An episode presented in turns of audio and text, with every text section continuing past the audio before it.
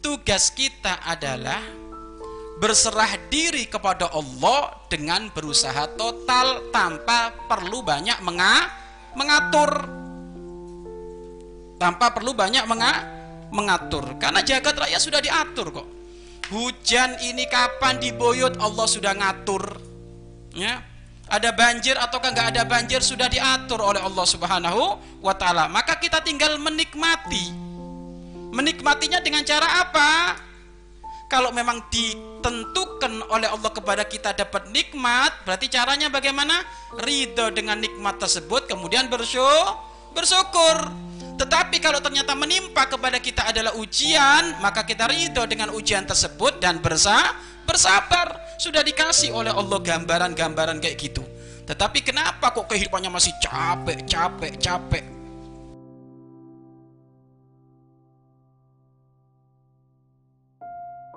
Thank you.